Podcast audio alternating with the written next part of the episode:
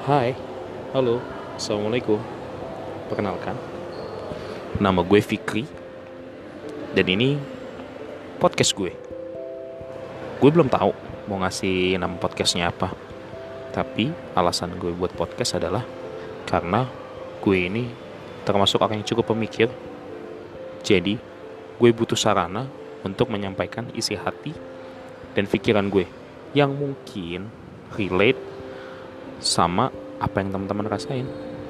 Enjoy the podcast, guys.